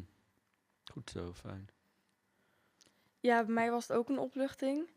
Ehm, ik had eigenlijk ook helemaal geen reden eigenlijk om bang te zijn dat mijn ouders het niet accepteerden. Alleen, toch had ik dat. Omdat het ook gezien werd als een negatief ding, zeg maar. Alleen, toen ik het hun had verteld, toen was het heel erg positief en zo. Dus dat was wel een heel erg opluchting. Fijn. Mhm. Super. We hebben het hele tijd over coming out, maar zelf heb ik het gevoel, een coming out, ja, wat is dat nou? Dat is misschien, dat is niet een moment, dat is iets, dat is eigenlijk een keuze dat je beslist om zelf openlijk te zijn over wie je bent. Maar dat is niet één keer, maar dat is letterlijk elke keer als je een nieuw iemand ontmoet. Er komt altijd dat moment dat, ze, dat het ter sprake komt, of dat het een issue wordt, of dat, je, dat, ze- dat ze vragen naar je vrouw, heb je kinderen, of weet je wel. Dus het is, een coming out is misschien een soort fabeltje, dat het een eenmalige kast is die open gaat, dat je eruit stapt en dat je uit de kast bent. Ehm, ja, ik ervaar dat zelf niet zo. Hoe, hoe zit dat bij jullie? Ik zie het ook wel echt als een proces, ja, wat, Ja. wat je precies beschrijft. Dat altijd blijft terugkomen. Ja, Hm. zo denk ik er ook wel over. Eh, ja, dit is een leuke vraag. Waarom doe je mee in deze podcast?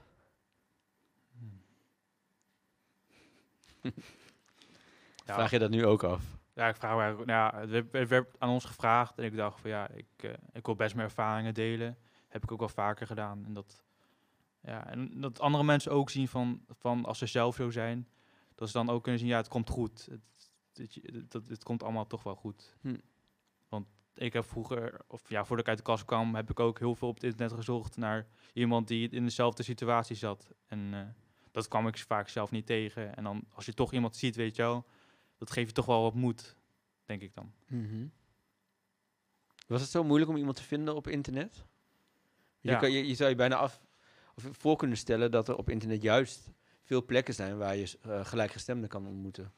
Ja, dat was, was voordat ik op eh, Jong en Oud kwam. En voordat ik, eh, dus het ging op YouTube naar gay influencers of iets. Maar ik kwam nooit echt iets tegen. Dus niet Dat ik echt Nee. mee kon binnen van, zo ben ik ook. Ja. Dus, eh, Nou, nu word je zelf misschien een beetje die gay influencer. ja.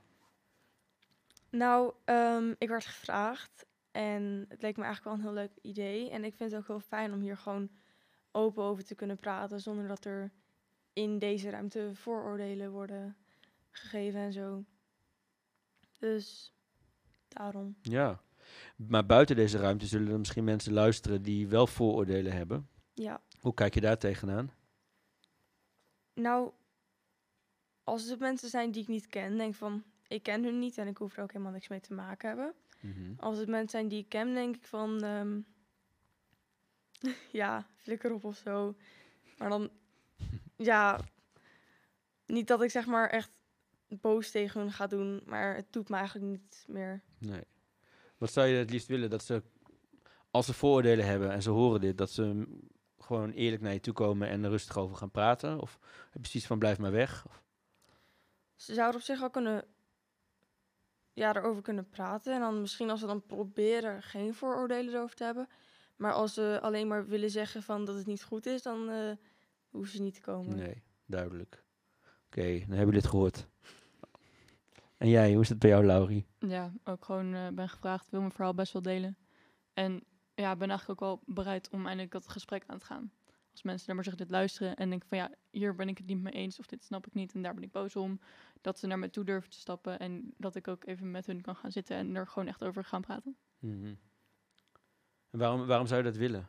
Ja, omdat ik vooral merk, ik had eh, laatst via het eh Indifferent account van onze school, had ik eh, iemand en die stuurde mij een berichtje en die snapte niet waarom Indifferent bestond. En ik begon gewoon heel rustig te vertellen over van, ja, er zijn mensen die eh, anders seksueel geaard zijn of ander cultureel achtergrond of zo. Ehm, en ik merkte dat iemand die niet normaal zomaar in zo'n gesprek zou gaan en een respectvol gesprek te hebben over dit soort dingen, maar het viel eigenlijk heel erg mee en hij was, hij formuleerde zijn mening goed en eh argumenteerde gewoon waarom hij bepaalde dingen misschien minder nodig vond. En Mhm. ik kon op die manier ook gewoon terug tegen hem van, hé, hey, maar dit en dit en dit is eigenlijk nog niet zo. En dat was toch wel heel erg fijn, omdat ik weet dat heel veel mensen op mijn school zitten zoals hij zit en zoals hij is, want hij zat ook bij, ons, bij mij op school.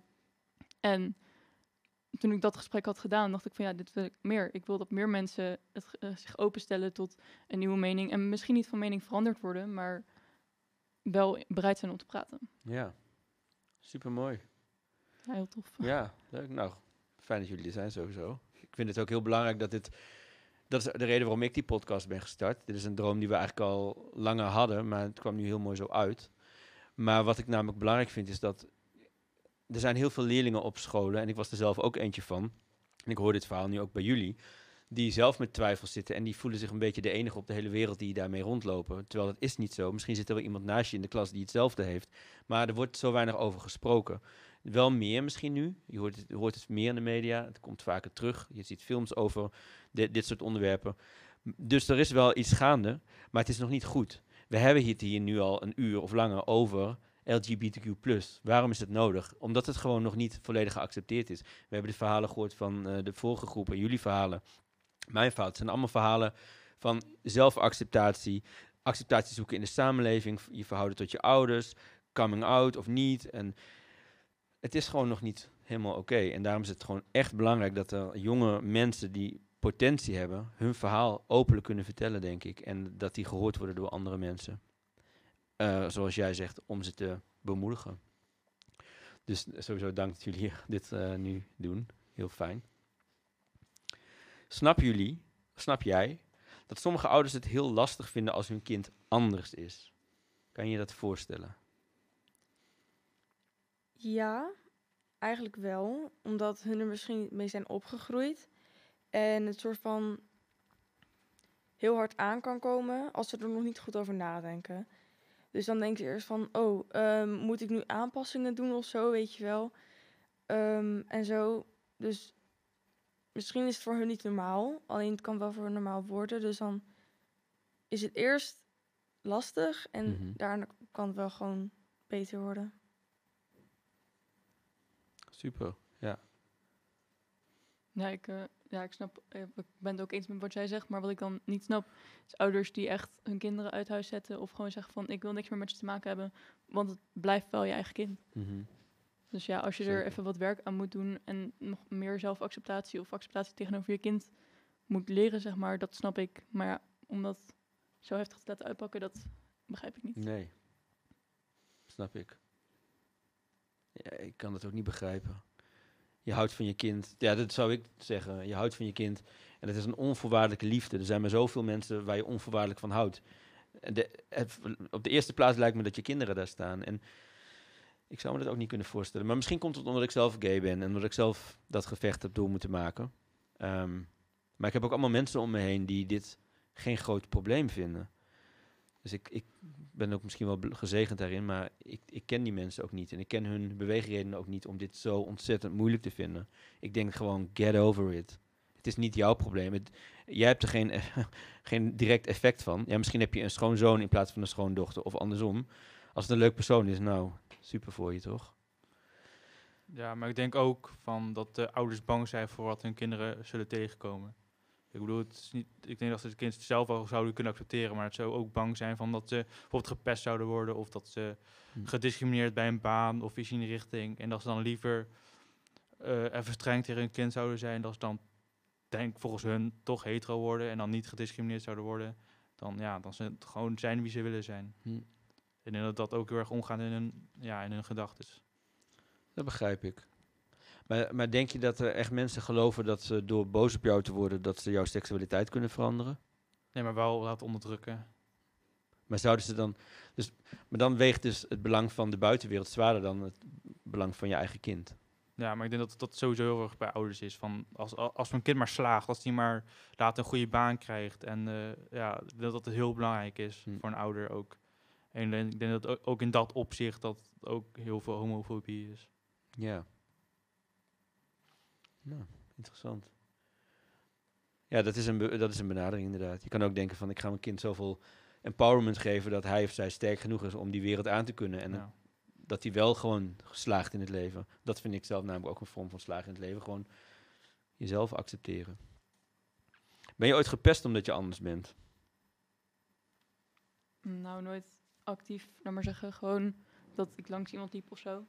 Maar ehm, wel, bij op school werden wel eens een soort van haat-Instagram-accounts gemaakt... waar mensen wel naar voren werden getrokken, waaronder ik ook. Hm. Dat het dan van, oh haha, jij, bent, jij valt op meer dan één geslacht. En ook mensen waarmee ik dag bevriend zijn, die likten die dingen wel... maar stuurden ze niet naar me door of zo, om te kijken van... hé, hey, dit is echt heel fout. Maar ze likten ze wel en die hielden zich dan gewoon stil. Wat doet dat met je? Ja, dat was toch wel even kwetsend. Ja, het was niet mijn beste vrienden natuurlijk, maar wel mensen waarvan ik dacht van, oh, die moeten wij wel accepteren. En dat deden ze dan blijkbaar dus niet. Nee. Dat is ook heftig. Ja. ja. En ga je nog met die mensen om? Nee, zeker niet Nee, meer. nee. Dus je bent wel zo van, oké, dan, dan niet. Nee, precies. Ja, zodra iemand is van, of ja, openbaar of in het geheim van, Mhm. ik ben het niet met jouw bestaan eens, dan heb ik ook zo van, ja, zak er maar in. Ik hoef Ja. echt niks met je te maken te hebben. Nou, ik ben niet eh, gepest omdat ik ja, biseksueel ben. Maar er zijn wel stomme opmerkingen gemaakt daarover. En ook opmerkingen over dat ik mijn haar had geknipt. Dit jaar nog. En gewoon hele stomme opmerkingen of van ben je nu een jongen of zo. Omdat ik mijn haar kort had. En het was niet echt als pesten bedoeld, maar het, het kan wel echt als, kwam soms wel echt als pesten over. Maar ik ben niet per se specifiek gepest omdat ik biseksueel ben. Ben ook niet echt gepest, dus meer dat, ik, eh, dat er wel eens geplaagd wordt. Gewoon door vrienden, dat, dat accepteer ik. Dat ik zie het dan ook op een manier dat hun het ook accepteren. Maar in het verleden ben ik wel, hoe heet het... Nou, er zijn wel opmerkingen naar mij toe gegooid, omdat ik natuurlijk er anders uitzie, omdat ik een andere huidskleur heb.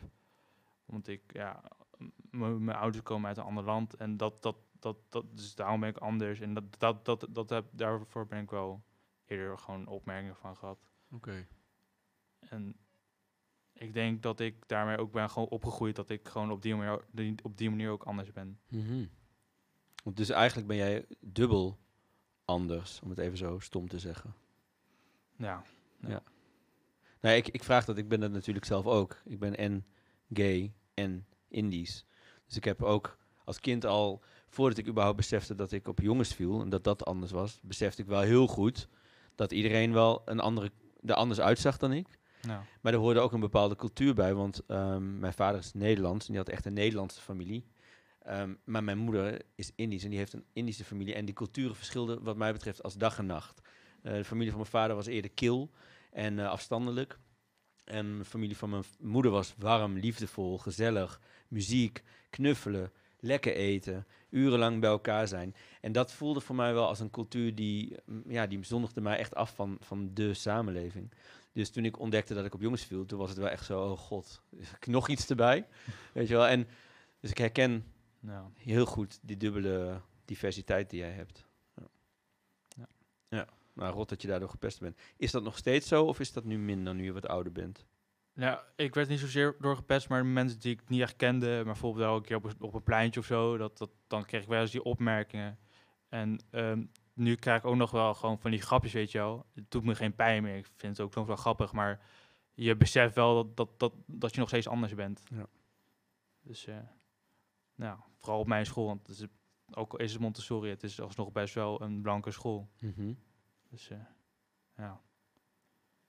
Maar is het wel een school waar je echt kan zijn wie je bent? Ja, dat, dat sowieso wel, maar je, omdat er zoveel blanke mensen zijn, je, je ziet gewoon ook al, kijk even in de spiegel, je bent anders. Ja. Dus eh, Ben je wel eens, een- wa- want waar, waar kom, kom je vandaan of je voorouders? eh, Indonesië. Indonesië, oké. Ja. Welk eiland? Eh, mijn moeder is volgens mij geboren op Sumatra, maar dat weet ik niet zeker. Oké. Dat is leuk om te weten. ja, moet je eens vragen. Super. En je vader?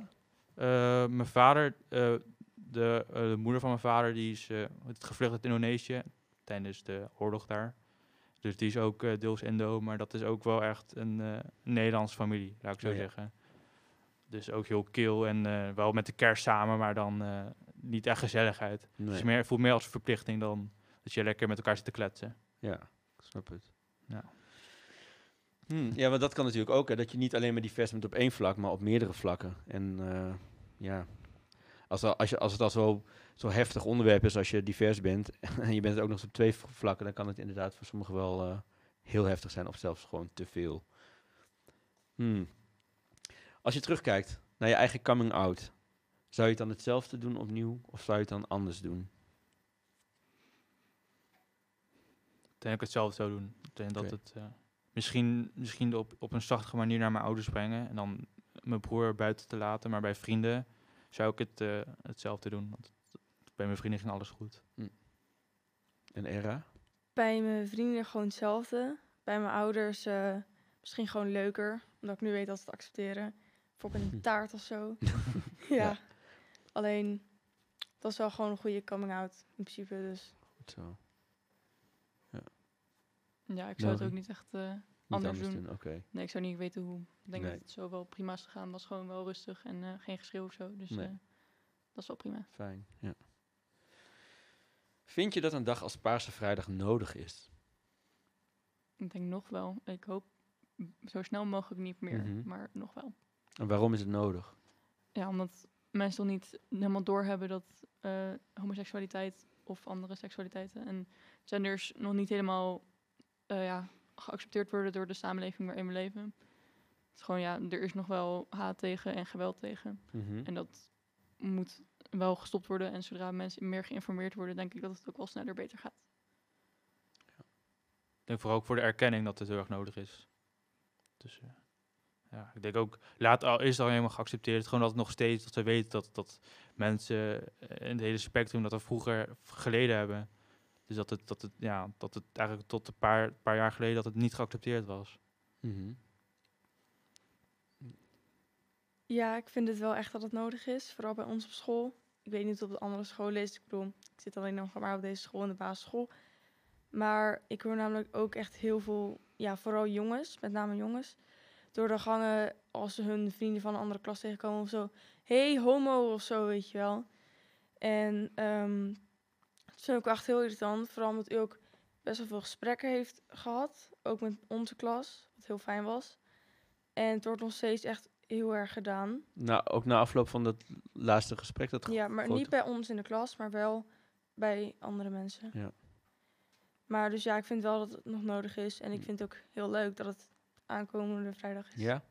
Want eh, wat gaan, wat gaan, ik ben wel benieuwd wat jullie scholen allemaal doen. Wat, kan je daar iets over zeggen? Nou, we gingen toch eh, zo'n... ehm, iemand kreeg een prijs die volgens mij de beste outfit had. Mhm. En, Meerdere? Ja, en gewoon paars dragen. En ik ga ook heel veel regenboog. Ik heb eigenlijk niet zoveel paars. Ik heb één shirtje. En vooral heel veel regenboog dingen. Dus ik ga waarschijnlijk ook mijn haar verven. Dat was ik al van plan. Ja. Alleen nu is het nog leuker. Ja, tuurlijk. Ja, cool. En jullie, wat gaan jullie doen op school? Ik weet niet eens. Oh, ik was niet bij de laatste meeting, dus eh, oh ja, ik heb het niet meegekregen. nee. Maar je, gaat, je, wil, je wilde wel wat aan doen? Of heb je zoiets van, ik doe er niet per se aan mee? Of? Ja, tuurlijk. Alleen ik eh, ik ga zoveel ook paarse kleding dragen, zoveel mogelijk. Ja. En ik wil ze ook echt wel helpen, maar ik was gewoon niet bij de laatste meeting, dus ik heb niet Nee, nee. meegekregen Nee. wat de planning zijn. Laurie? Nou, wij gaan een soort van eh, een eh, tijdlijn met posters maken, zodat mensen ook geïnformeerd worden over waar we dus, eh, tenminste als community, eh, in de afgelopen eeuwen doorheen zijn gegaan. Ja, voornamelijk natuurlijk vorige eeuw, want eh, dat is meer aan het licht gebracht.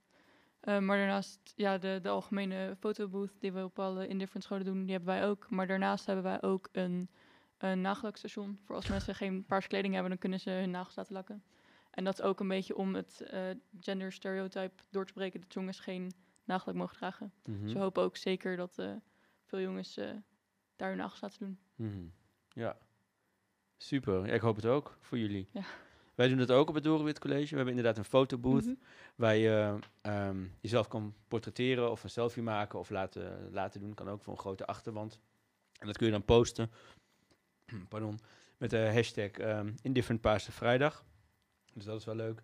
We hebben muziek, we hebben de hele school versierd. En ik zag ook echt van andere scholen dat ze zelf allerlei dingen hebben gemaakt. Dat was ook heel gaaf. Hebben ze zelf teksten geschreven op posters. Ik dacht meteen, dat gaan we volgend jaar ook doen. Ehm, we hebben ook allemaal paarse accessoires die we uitdelen. En toen dacht ik ook van, die kunnen we natuurlijk bij handvaardigheid ook gaan maken van tevoren. Als we daar een paar weken van tevoren mee beginnen. Mhm. Dus dat soort dingen. We ga- gaan de eh, regenboogvlag hijsen bij ons op school. Dus we doen eigenlijk allemaal dingetjes. En smiddags is er op het Dorenwit College een soort van indifferent café. Laat? Ja, dus hebben we eigenlijk gewoon een soort bijeenkomst. Maar die is nu openbaar voor alle indifferent scholen. Voor leerlingen die daar echt bij aangesloten zijn. Kan natuurlijk niet voor alle leerlingen zijn, maar wel voor de leerlingen die echt bij indifferent zitten. Gewoon om elkaar te leren kennen. Eh, lijkt het ons leuk. We hebben ook een gast die zelf LGBTQ'er is. En we gaan eigenlijk dit soort vragen ook eh, bespreken. We hebben ook een quiz. En we hebben de dag ervoor, op donderdag 10 december, hebben we om eh, drie uur een filmvertoning in Focus Filmhuis. En dat is de film Raf- Rafiki, zeg ik het goed? Rafiki. Nou, dat is een hele gave film. Je moet maar even kijken op de website. Het ziet er heel gaaf uit. Ik ken hem niet, maar het lijkt me echt heel leuk. En na afloop is er ook een nagesprek. Dus jullie zijn hartstikke welkom om daar te komen. Ehm, en iedereen die dit hoort, die denkt dit is leuk. Ja, kom gewoon. Ehm, sowieso, ehm, ik denk dat dit het einde is dan van de podcast van deze keer. Ik vond het fantastisch. Ik vond jullie fantastisch en jullie ook. Eh, ik had me niet kunnen voorstellen dat ik op jullie leeftijd eh, zo zelfverzekerd eh, mijn verhaal kunnen vertellen. Dus ik kijk enorm tegen jullie allemaal op dat jullie dit doen en durven. Ik vind het heel dapper. Ehm, als je dit hoort of ziet, hoop ik dat je er iets aan hebt gehad. Ehm, misschien het besef dat er nog veel moet gebeuren. Dat er hier mensen zijn die een strijd leveren. En dat die strijd nog niet voorbij is. En dat wij ook Kijk, we zijn een minderheid en minderheden hebben altijd de, de steun nodig van de meerderheid om te slagen. We hebben ook heel groot steun van een grote meerderheid, maar nog niet van iedereen. Dus wij willen heel graag hulp van iedereen. Dus mocht je dit horen en denken van ik wil me inzetten, ik, wil, ik vind dat die mensen recht hebben om gewoon zich vrij te kunnen voelen zoals ze zijn. Sluit je aan. Wat je vindt, je kunt altijd een berichtje sturen via onze website www.indifferent.nl. We gaan graag met je in gesprek. Mocht je iets leuks weten, we staan open voor alle ideeën. Ehm, dus laat van je horen. Eh, volg ons op Instagram, kan op Facebook zijn we ook te vinden. eh, zelfs op LinkedIn. We zijn eigenlijk gewoon overal. Dus eh, volg ons, like ons en bedankt voor het luisteren en kijken. En jullie heel erg bedankt voor jullie inbreng. Dankjewel.